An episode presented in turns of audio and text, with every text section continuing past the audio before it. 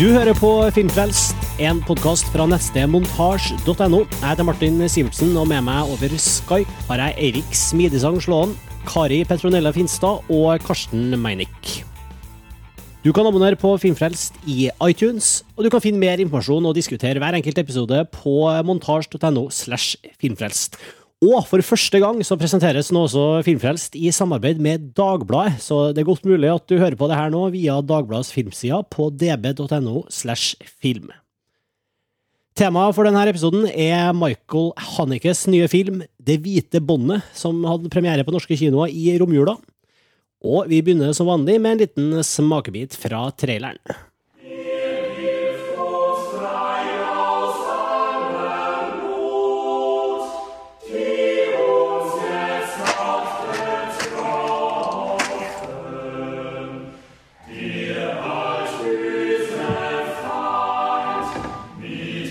Ich mich, euch Gottes Wort nahezubringen und euch in seinem Geiste zu verantwortungsvollen Menschen zu formen. Verzeihen Sie, Herr Vater. Bitte verzeihen Sie.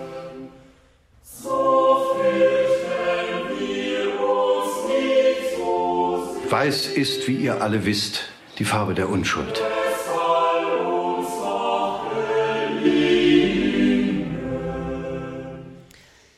Det hvite båndet, uh, Das Weisse Band, eine deutsche Kindergeschichte. Hvis jeg malplasserte sikkert den uh, undertittelen der, men altså en, uh, en tysk barnefortelling. Det er altså filmen til Michael Haneke, østerrikske regissøren, som lager filmer vekselvis på, på tysk og fransk. Han gjør poeng av at det er en fiktiv historie, men den er satt til en liten tysk landsby i uh, opptaktsårene til første verdenskrig. Hvor det, og, uh, hvor det skjer eh, gradvis eh, en del eh, Det er en del hendelser i den landsbyen som, som gradvis avdekkes, og um, en del grusomme hendelser. Og James Cameron lager filmer som, hvor vi skal ha det kult. Michael Hannicke lager filmer hvor vi skal ha det jævlig, når vi sitter og ser på. er det um, Har vi alle et dypt forhold til Michael Hannicke fra før, eller er det noen som har liksom oppdaga han nylig for første gang, eller er det, hvordan er, ligger vi an her? Erik? Mm, nei, jeg, jeg har vært uh, ikke fan, kanskje. Tilhenger i, i alle år, ja. vil jeg påstå. Kari? Ja, han er jo en sånn uh, si sånn, Man har vært med i filmklubb, og da har man åpenbart sett han, han ikke filmer. Så jeg har også vært eh, Jeg har ikke sett alt han har gjort, eh, men det jeg har sett, har jeg likt veldig godt, selv om det gjør vondt. Det er ubehagelige filmopplevelser, rett og slett, ofte. Helt klart. Karsten, kan ikke du eh, gi oss en liten eh, Kan vi sette den i kontekst på noen måte? Ja, altså Du pleier å være flink til det. Nei, hva skal man si? Det er Jeg så den i går kveld, jeg, så jeg har den ennå veldig ferskt, ferskt i hukommelsen. Eh, Men sånn i forhold til det produksjonsmessige Haneke han har jo hatt et prosjekt. Hva nå enn det er. Det er litt vanskelig å sette fingeren på, men han har virkelig hatt et prosjekt over flere år, over flere tiår kanskje. Jeg oppdaget Haneke da jeg så Funny Games på VHS. Eh, og etter det så har jeg sett de fleste tingene han har kommet med, men jeg har heller ikke sett alt han har laget. Men det er jo helt åpenbart at han har et prosjekt eh, hvor han Han forsøker liksom å og det er jo dypt intellektuelle filmer, vil jeg også understreke. at liksom, Dette er jo kanskje hans faktisk mest tilgjengelige, på en eller annen måte. Sånn som Eirik skrev på montasje, at du blir faktisk emosjonelt eh, engasjert for nesten første gang. Men i de tidligere filmene så har han på en måte ikke tatt publikum inn emosjonelt. Han har ikke sluppet oss inn, bortsett fra at vi bare føler at det føles jævlig, og vi er eh, Vi har, kjenner et dypt ubehag. Funny Games er jo bare så ubehagelig som det kan få blitt. Liksom. Du skjønner ikke hvorfor menneskene oppfører seg som de gjør i den filmen. Og når det er over, så har ikke, han ikke forklart noe heller.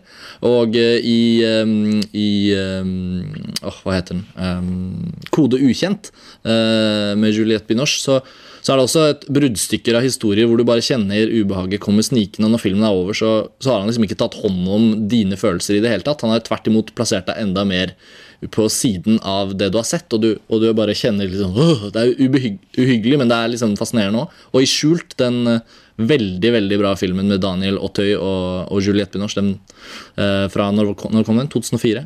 Der, der, eh, der handler det om frykt og overvåkning, og det er like eh, Når filmen er ferdig, så er det den samme følelsen av at liksom, hva var det? Hva, hvordan? Jeg vet ikke. altså Han setter oss ut på sidelinjen, da, men han gjør det på en sånn ekstremt involverende måte. Rent sånn om ikke sånn, eh, de gode følelsene, så blir man jo veldig involvert i det som skjer, fordi man blir så opptatt av å forstå.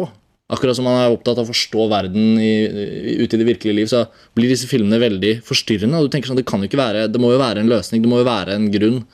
Eh, men kanskje det han er ute etter, er å si litt at man skal ikke søke etter grunnen, kanskje. ikke, ikke helt, og Nei, ikke i det hvite båndet heller. så oppfatter jeg den litt som tematisk. i måten han, altså sånn Skjult, for eksempel, den har klare tema. altså Som du sier, paranoia, Absolutt, altså. men fiendebilde og fortrengelse. Skyld Funny Games handler om eh, medievold. altså Jeg hører at uh, Han sier jo selv om, uh, om uh, Det hvite båndet at jo, det, på en måte så er det en historie om den Om nazigenerasjonen, rett og slett. Altså den generasjonen barn som, som, som, som vokser opp og, og er Ja, som, som starta andre verdenskrig, da. Mens eh, så- men den er også universal, så den, den er mer enn eh, om fremveksten av ondskap, sier man lett ut, egentlig. Og fascisme, men, men ondskap og hat. Er det riktig Er det også sånn du opplever det, Erik? Ja, altså jeg vil jo si at Prosjektet til Michael Haneke er å lage filmer om terror og det å være prisgitt til andre mennesker. Altså det å være i andre menneskers vold. da. Eh, Funny Games er jo beste eksempelet. Det kommer to mennesker og banker på døra og tar fullstendig over livet til en familie. ikke sant? Og ødelegger livet til en familie.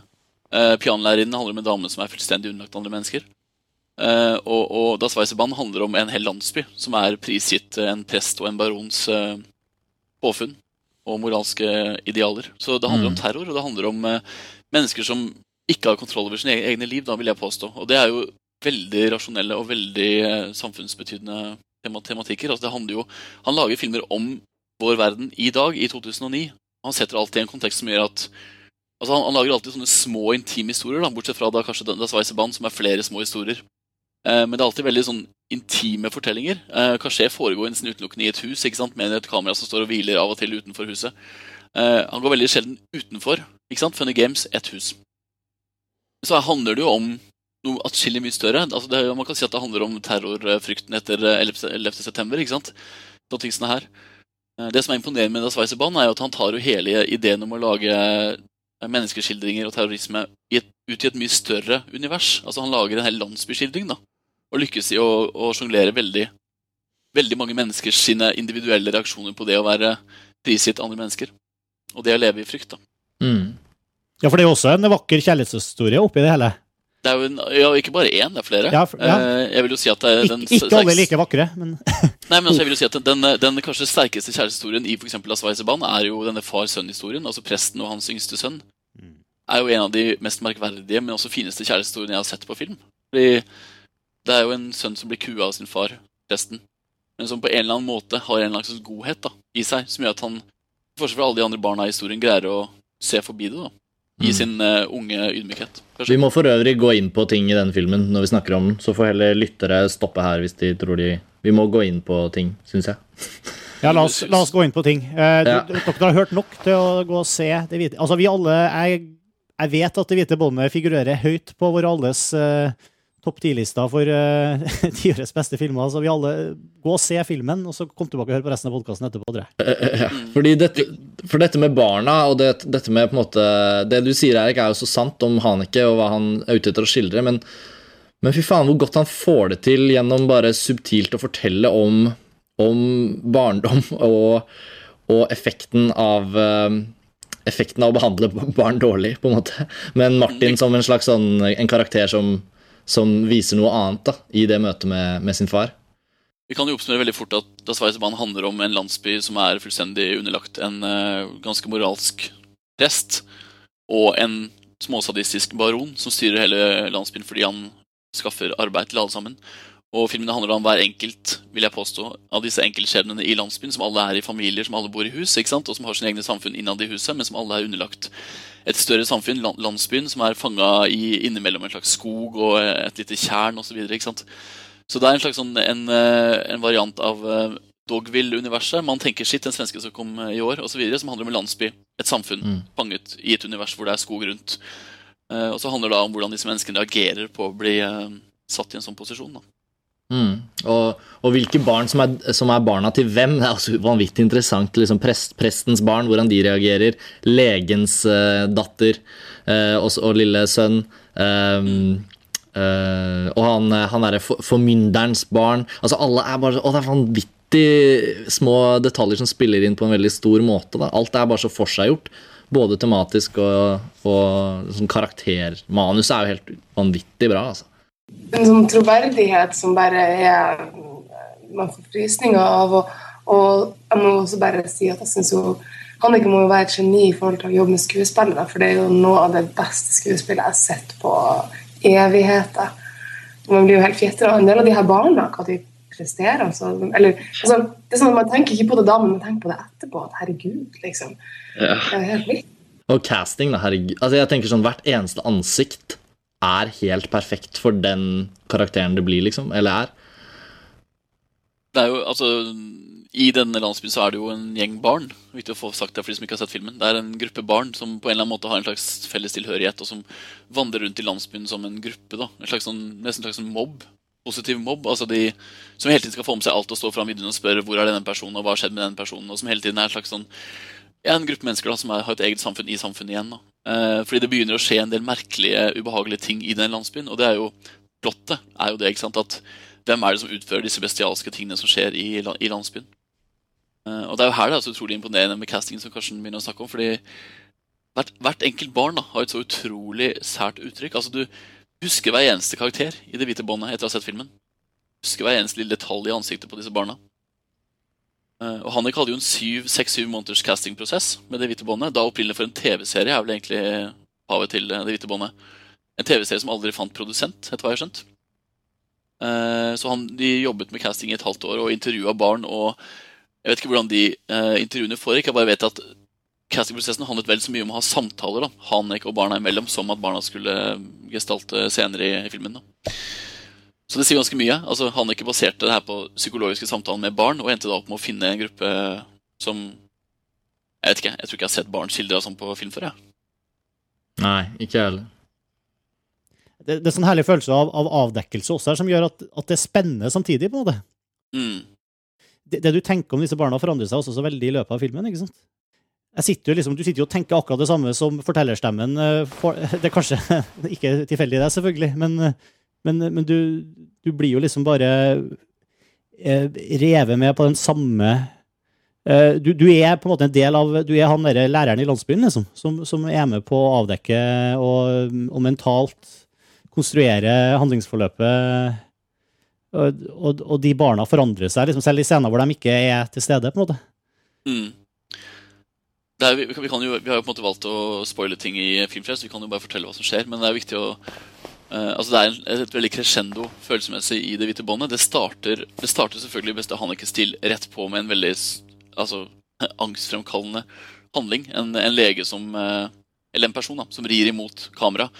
Eh, og vi vet at det er spent en eh, ståltråd over, eh, over veien, og denne, selvfølgelig den, det, kommer til å skje noe med denne personen. Da. Det vet vi, ikke sant?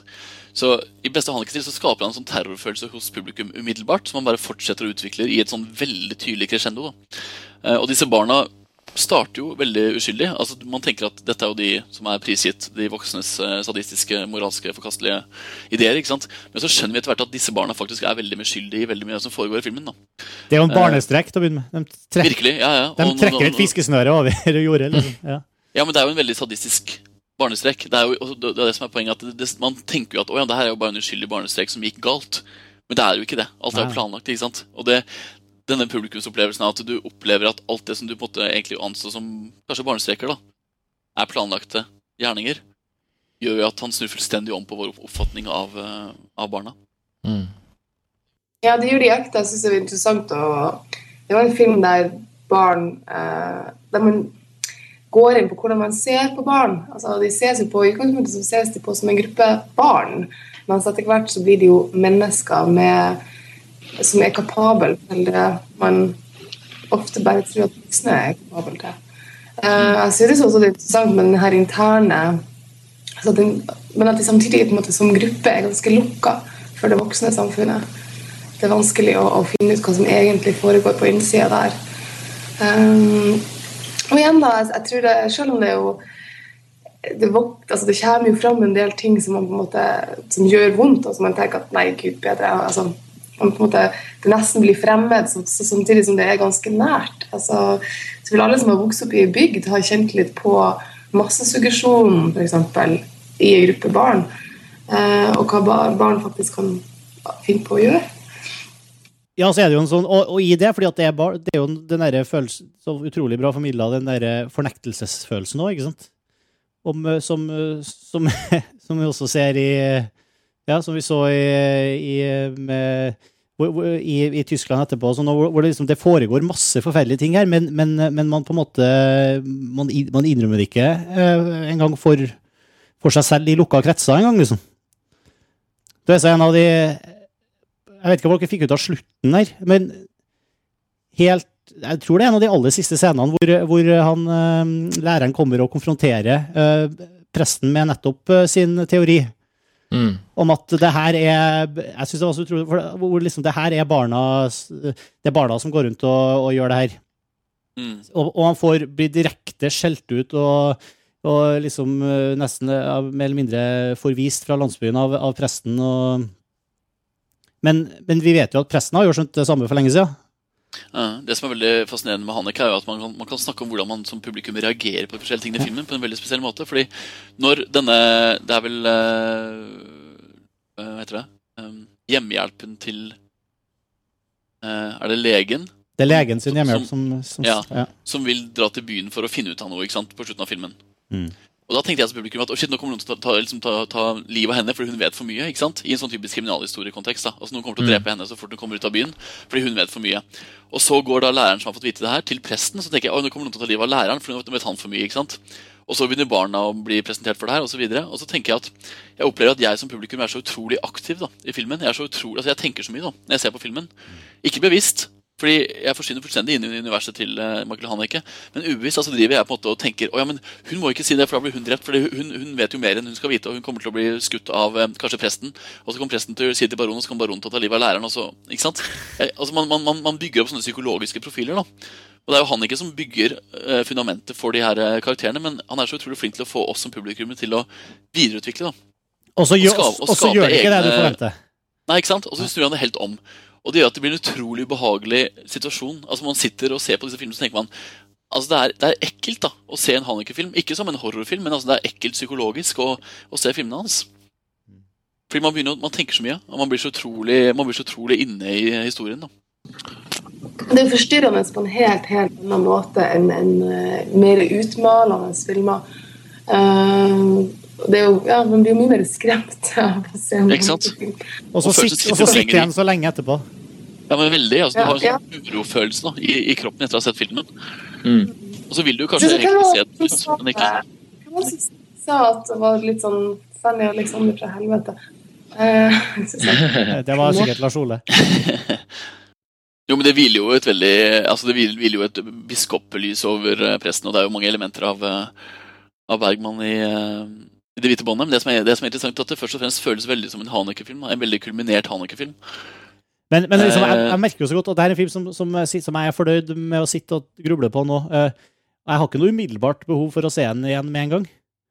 Ja, men Det er det rare, fordi man har lyst til å se den også. ikke sant? Det er den der todeltheten. Man, man vil ikke tilbake til universet, samtidig som man vil kanskje prøve å forstå litt mer av det. Ja. Eh, men det er, det er et sånn ubehag altså, i, i denne filmen. Som jo er i alle andre Hanneke-filmer Altså. Jeg, jeg, jo, jeg var jo nervøs før jeg satte meg ned og skulle se den. Jeg syns det, synes det, var litt- det var litt ekkelt, for jeg visste at jeg kom til å bli litt sånn forstyrra, som, som du sa, Kari, av, eh, av filmen. Fordi han, han treffer da, han treffer så utrolig sterkt noen ganger. Eh, Men det som er sjokket med Det hvite båndet, er jo at han ikke bare sånn som ikke skjer, så er det jo ikke bare det derre eh, sadistiske, slemme som treffer. Det er faktisk også, han, han får til en del sånne emosjonelle øyeblikk som eh, beveger deg. da.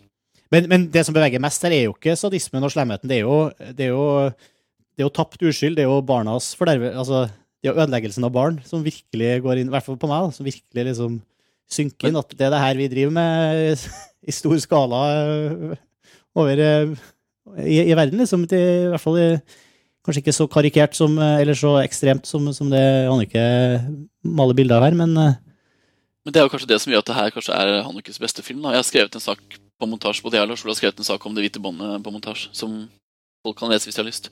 Uh, hvor i hvert fall begge har gjort et poeng ut av at det her er jo faktisk den mest emosjonelt engasjerende Haneke-filmen. Nettopp fordi det du sier da, at du du tenker på disse barna og du, du, den derre uh, uskylden som blir så brutalt ødelagt. da.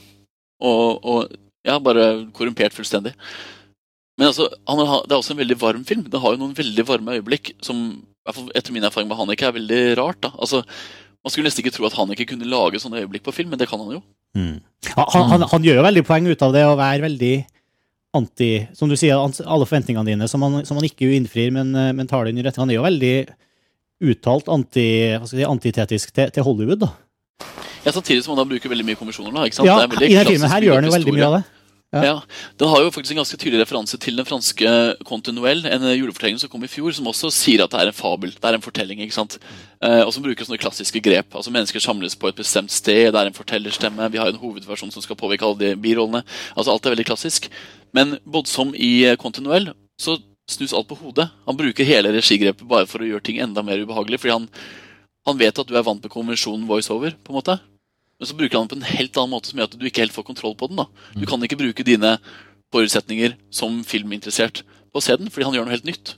Og så er det, det er, Ja, akkurat. Også, han tar så veldig hånd om oss i forhold til at jeg føler her er nesten han ikke enda mer uh, enn i sine tidligere filmer med på å bruke konvensjonene våre til å hjelpe oss inn mot noe, inn mot en slags forståelse eller inn mot en slags, et engasjement, men vi får hele tiden den der Haneke-distansen både gjennom liksom mise-en-scène og bruken av kamera, ting som foregår bort, utenfor rammen, ting som vi ikke får se. Uh, bruken av voiceover er jo også veldig fortellende. Det at det er en gammel mann som snakker om at han var med. Det blir ikke mer forklart, man skjønner hvem det er sin stemme. Men det, liksom, det, bakke, det bare er ikke informasjonen i voiceoveren. Det er nesten det minst viktige. Det viktige er liksom stemningen i stemmen hans. Det litt triste, det der med at han underbevisst vet at uh, Tyskland blir involvert i to kriger etterpå. Altså, han er jo såpass gammel at han må fortelle denne historien fra etter andre verdenskrig også. Det er masse sånne ting som ligger implisitt i måten voiceoveren er regissert til å passe inn med filmen. Og jeg mener Det er sjelden man ser det verktøyet bli brukt men, så godt. Men, men hva har, Jeg skal bare si det i forhold til det med fremmedgjøring. Det, det er jo som du sier, han, han, åpner med å si at det her er ikke nødvendigvis en sånn historie. men det du ikke nevnte her også, Karsten, at han har jo valgt å legge hele filmen i sort-hvitt. Mm. Uh, og han sier selv at det er fordi han har lyst til å fremmedgjøre oss fra, fra filminnholdet. Men hvorfor? Ja, men, ja han, har, han har, jo sagt det på en måte i samtaler mm. hvor han har blitt spurt om det. ikke mm. sant?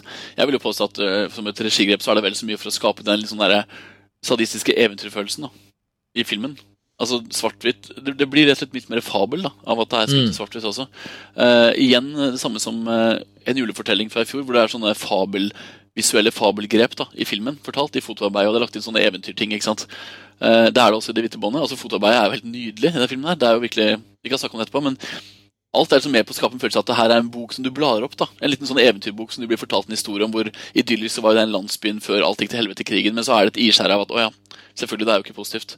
Uh, men svart-hvitt-elementet er med å understreke eventyrfølelsen samtidig som det fremmedgjør. ikke sant? Denne todeltheten som gjør at publikum aldri blir helt klar over sin egen posisjon i filmen. da. Hva, men hva, hva, hva syns du er den uh, effekten av det? Altså, Bidrar det til å universalisere temaet, eller um, trekke det ut av den konkrete historiske det mest prosaiske er at det gjør at du, at du, får en veldig gammelmodig følelse. Da, at det er noe som har skjedd før. Det er jo det typiske svart-hvitt-elementet. At du, ja. Det her er noe som skjedde for lenge lenge siden. på en måte. Eh, derfor så er det svart-hvitt. Men, men det, det, er jo ikke noe, jeg ville jo ikke følt så mye for det her hvis jeg ikke også følte at det her er noe som skjer i dag. Jo, det er det som er, er, så fascinerende. Han, han, tar dette regigrepet med å plassere ting i svart-hvitt som gjør at du tenker at å ja, det er gammeldags, eh, og det er et eventyr. Men så er det jo ikke det. Det har jo kjemperelevans til i dag. Det handler jo om i dag. Mm. Det handler om for 20 år siden, altså det handler om for 40 år siden. ikke sant? Det har en veldig universell eh, profil. da. Men altså hele den eventyrinnpakningen gjør at det blir bare desto mer ubehagelig å, å se det. da. Um, Kari, jeg, jeg vet jeg avbrøt deg her i stad.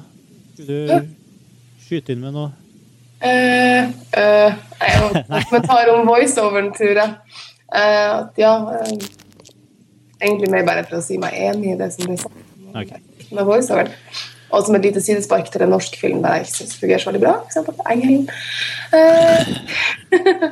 jo, men Det er veldig morsomt poeng, faktisk. Altså, trekke inn uh, Engelen, for det er den klassiske voiceoveren som ødelegger filmen. ikke sant? Altså som, fordi, sånn som, eh, For å trekke inn Kalle Løken, da, kortfilmkonsulent i NFI, vi møtte han fra Viking på filmen, og han sa at altså Hans kommentar var han første, Hans første tanke når han så filmen, var Oi, shit, her er det fortellerstemme. Mm. Herregud, Hannik, har du brukt fortellerstemme? Så hvorfor, har du, hvorfor gjorde du det, liksom?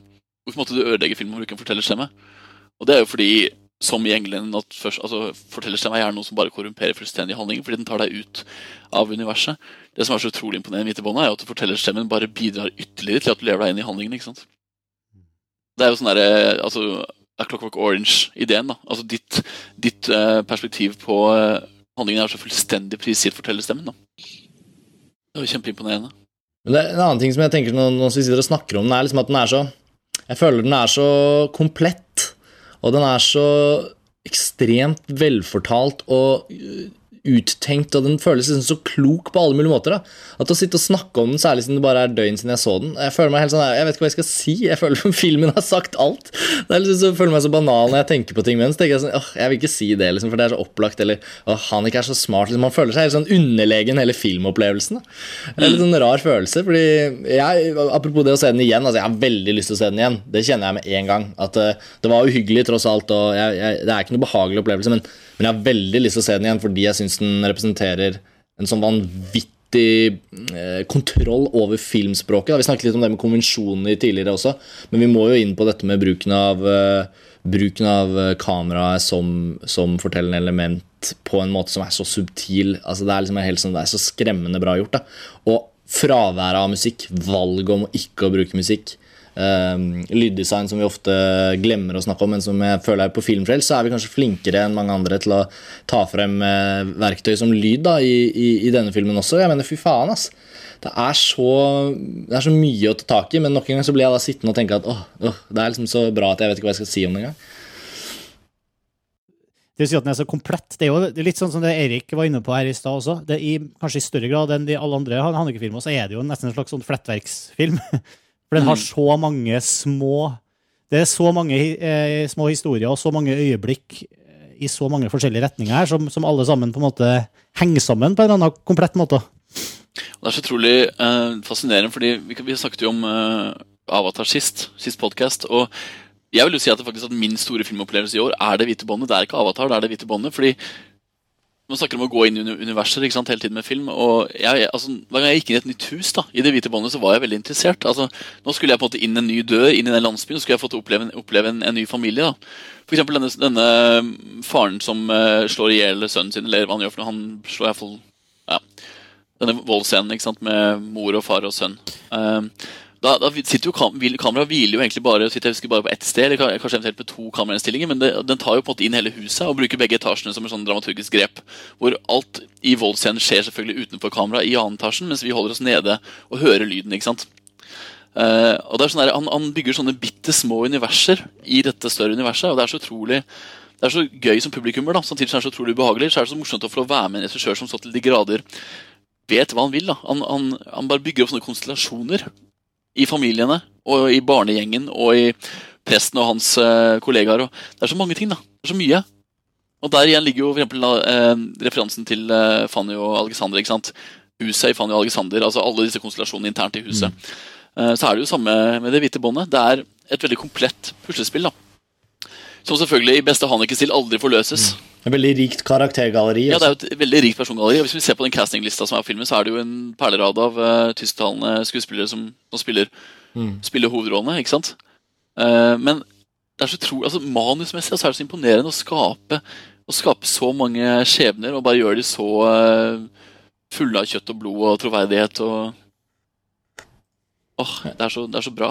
jeg syns også filmen føltes veldig bare, Jeg synes den føltes veldig Ikke kort, selvfølgelig, men den føltes liksom det, det, var jo mye mer plott her enn i mange av de andre Haneke-filmene. Det føltes virkelig som den ble drevet frem hele tiden. Da. Og da den var slutt, så tenkte jeg faktisk Er dette det? Var det slutt nå?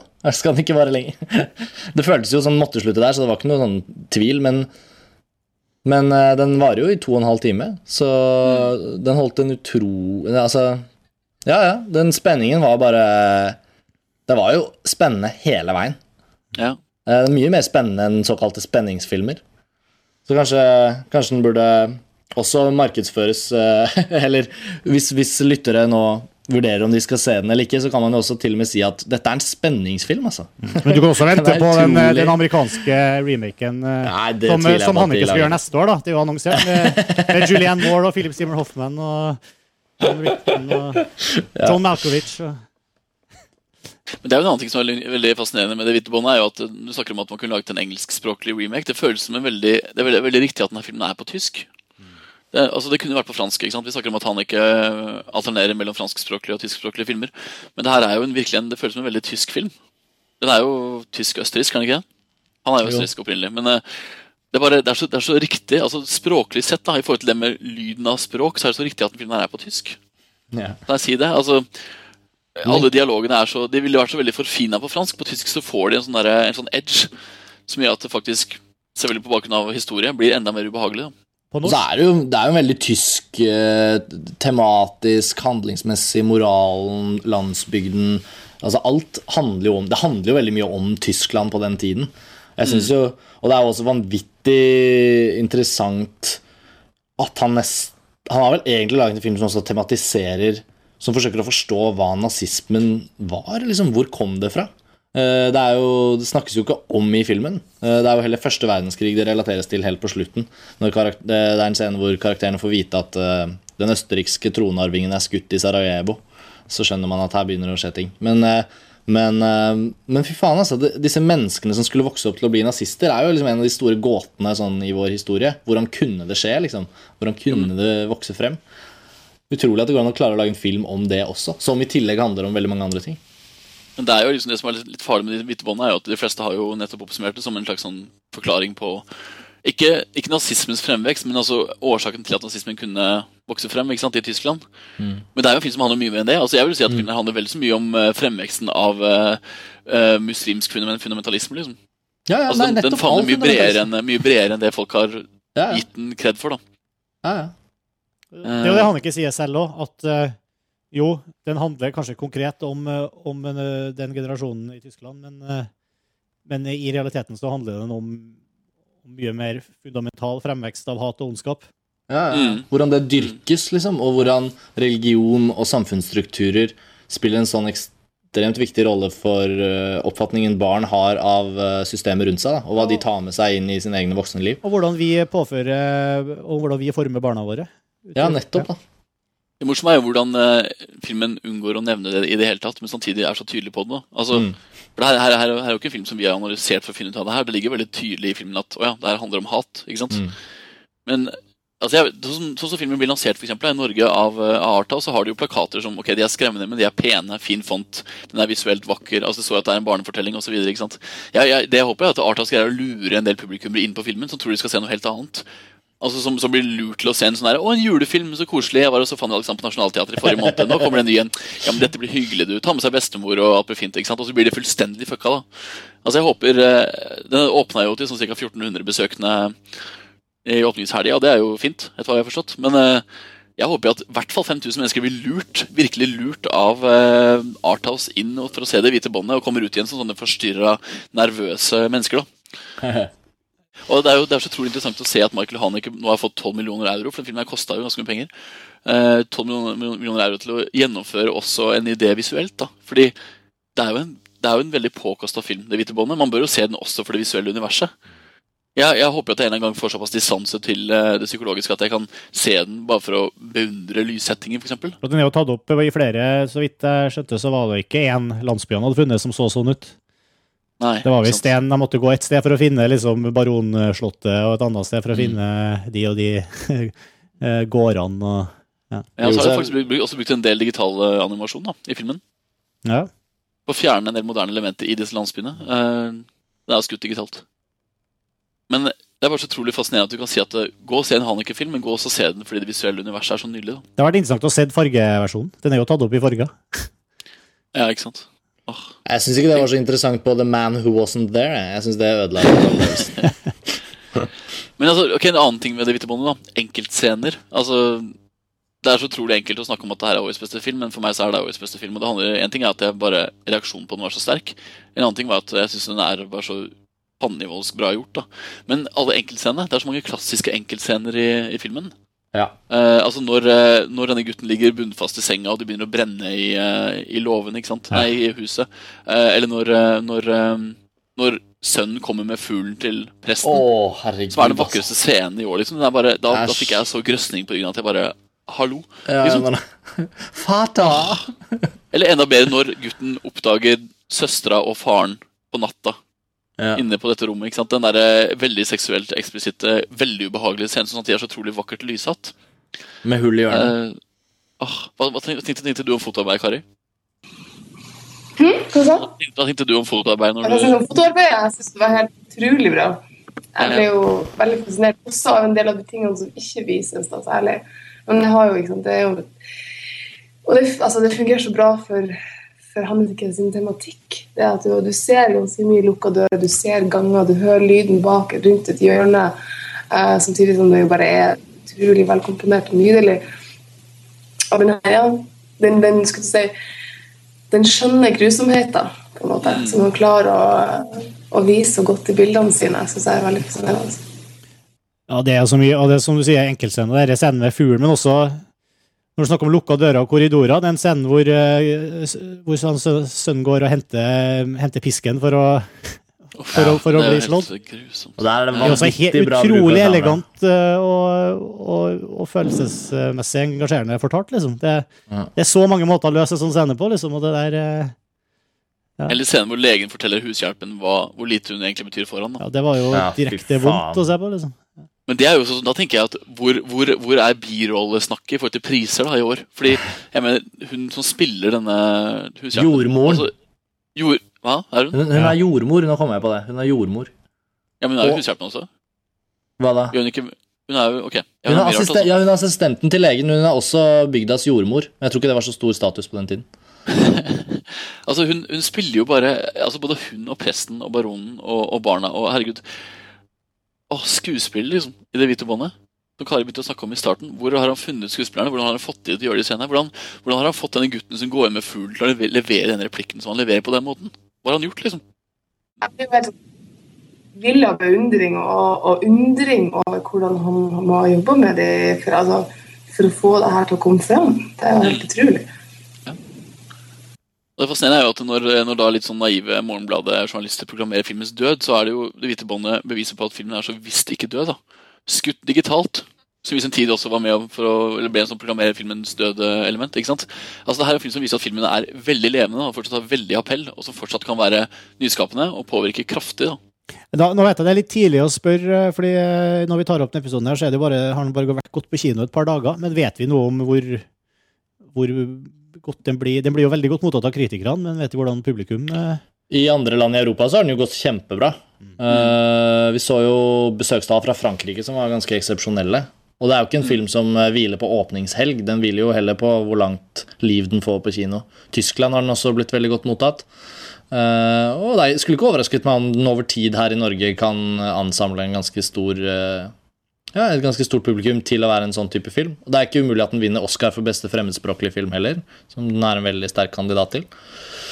Så jeg vet ikke, jeg tror kanskje dette blir en av de filmene som vil introdusere Haneke, faktisk. For uh, altså et publikum som kommer til å oppdage Haneke gjennom den filmen her. Det som er synd, er at hvis du leser, eh, hvis du leser uh, anmeldelser i USA, så er de ganske fordummende. da. Det er litt dumt. Det er kanskje litt, litt klassisk amerikanske anmeldelser, men veldig mange av de spiller veldig mye på den annen verdenskrig-tematikken og forteller, altså gir inntrykk av at det her er på en måte enda en film som handler om opphavet til annen verdenskrig. da. Eh, de, har fått, de har gått glipp av veldig mange av de subtile elementene i filmen. Kanskje også fordi veldig mange anmeldelser ble skrevet på Cannes-festivalen i all, all, hast. Og så vet jo amerikanske anmeldere at den her skal jo ikke ut så veldig stort i USA. Den skal ut med Sony Classics, etter hva jeg husker. Og da er det jo snakk om at den kanskje skal ut på 300 saler maks i USA. Eh, men anmelderne i USA har på en måte ikke helt greid å få fram hva det egentlig det her er for noe. da. Er litt sånn som Antichrist, da. Som er også er en eh, Ja, Selv om den hadde jo et veldig morsomt forløp, da, for den ble jo promotert som en horrorfilm av fanmiljøet i forkant. Så den har jo blitt sett av folk. ikke sant? Fordi folk Å ja, horrorfilm som heter Antichrist, det må vi gå og se. Det var jo så mye fokus på den fra sånne folk som oss ikke sant? i USA. Men, eh, men Det hvite båndet har fått en liksom fordummende greie i USA som den ikke har fått i Europa. Europa har den jo fått en veldig til forskjell fra Antichrist, har fått en veldig nyansert og veldig fin eh, journalistisk dekning. da. Mm. Spesielt i Frankrike igjen, men Frankrike har jo en veldig spesiell tradisjon for det med gullpalmevinnere. At de blir, eh, veldig mange av de blir publikumssuksesser. og altså Franskmennene går og ser gullpalmevinneren, for det føles litt som deres egen film. ikke sant? Um, Ja, Men det er utvilsomt en eh, Altså, det er jo en helt umiddelbar klassiker eh, fra en mester som over tid har laget noen av de beste europeiske filmene fra både forrige og det inneværende tiår. Men nå har han liksom Han har faktisk overgått seg selv. Da. For alt kommer sammen i den filmen her. På en eller annen, det er nesten som han skulle bli litt bekymret for den neste filmen han skal lage. Det som Hva eh, nå?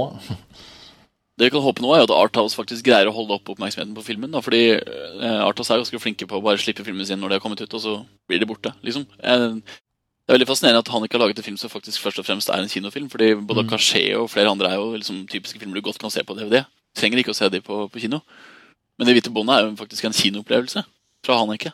Mm, virkelig. Hva er noe nytt? Nei, men som du var inne på, Karsten, det, man blir litt matt og målløs, så jeg tror kanskje vi har sagt vårt, det. Om eh, det hvite båndet. Det blir veldig spennende å høre og lese brukernes eh, kommentarer. Da. Vi er jo spent på å høre hva andre syns. Kan jo hende det er noen som ikke falt for det hvite båndet også, selv om vi unisont er veldig store fans. Det er fascinerende at det har jo faktisk blitt en del motreaksjoner på, Haneke, nei, på Det hvite båndet, som en film som har fått altfor mye oppmerksomhet, og som egentlig ikke fortjener statusen. ok, ja. Sist nå internt hos enkeltpersoner i filmbransjen som mener at det her er ikke er årets beste film, for eksempel, da, som jeg mener at det overlegent er, men, eh, men som mener at nei, den fortjener ikke hypen, og egentlig så er den bare et oppskrytt og osv. Vi kan jo håpe at kanskje noen av de kan skrive sin mening i kommentatorfeltet, så vi kan få litt debatt på de hvite båndene. ja, absolutt. Det ville vært Siste eh, kommentar jeg fikk med der i den retningen, var, var Erlend Los tweet om eh, det hvite båndet. De hvite båndet ble litt skuffa. Hvis barn behandles kjærlighetsløst, går det ikke bra. Det visste jeg allerede. Ikke Europas beste i fjor. Det, det, er, jo, eh, det er neppe hele anmeldelsen hans, men eh, det var jo en Det var jo en eh, naiv, super må- måte å, å si det på. Erlend Lo kan få sagt det på, med sitt språk på den måten, og Michael Haneke kan få sagt det med sitt språk på en annen måte. Hva som virker inn mest, det vil tiden vise. Yes. Før vi eh, gir oss, så må vi innom eh, Gjett filmen-konkurransen vår, som vanlig. Sist episode spilte vi følgende klipp, og det var altså opp til dere å gjette hvilken film det her var fra. You know what this place needs? I'm listening. Needs grass. We're gonna start our grass business? That's right, man. I'm gonna sell the grass, and you're gonna cut it. It's gonna be called Sanborn and Sons. we'll be rich. I like that. Crabgrass, St. Augustine, man. How about this? You sell it, I fertilize it. Og hvis dere gjetta at det her var fra en scene fra Catherine Bigelows eh, film fra i fjor, The Hurt Locker, så var det helt riktig. Og en av dem som gjetta riktig, var Sveinung Syversen fra Halden. En montasje T-skjorte på vei i posten til deg, Sveinung. Og dere som ikke vant til gangen her, må høre godt etter nå, for her er en ny sjanse. Hvilken film er det klippet her henta fra? I've always thought it was uh, out of character for David to drink anything as, as corrupt as whiskey. Out of character for him to be murdered, too. yes, wasn't it? The good Americans usually die young on the on the battlefield, don't they? Well, the Davids of this world merely occupy space, which is why he was the perfect victim for the perfect murder. Det var klippet. Hvis dere hørte hvilken film det var henta fra, så send oss en mail. Filmfrelst at montasj.no. Sett konkurranse Filmfrelst 34 i emnefeltet. Og i tillegg til filmtittelen, så gi oss postadressen din og eh, hva slags, hvilken T-skjortestørrelse du ønsker. Så har du en god sjanse til å vinne eh, der. Men det var også det vi hadde i Filmfrelst denne gangen her. Takk for laget, folkens. Ja, takk for nå. Det har vært en eh, intens prat. Ja. Godt nyttår og så videre. Ja, godt nyttår. Ha det bra. Ha det.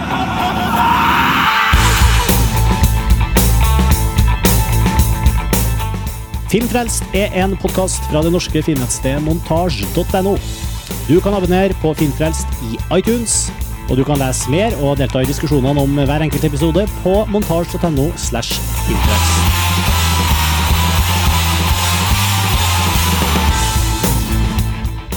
Filmfrelst distribueres nå også i samarbeid med Dagbladet, så du finner oss også på db.no slash film. Og musikken du hører nå, er fra det norske bandet Ping. Hør mer på thepinkpage.com.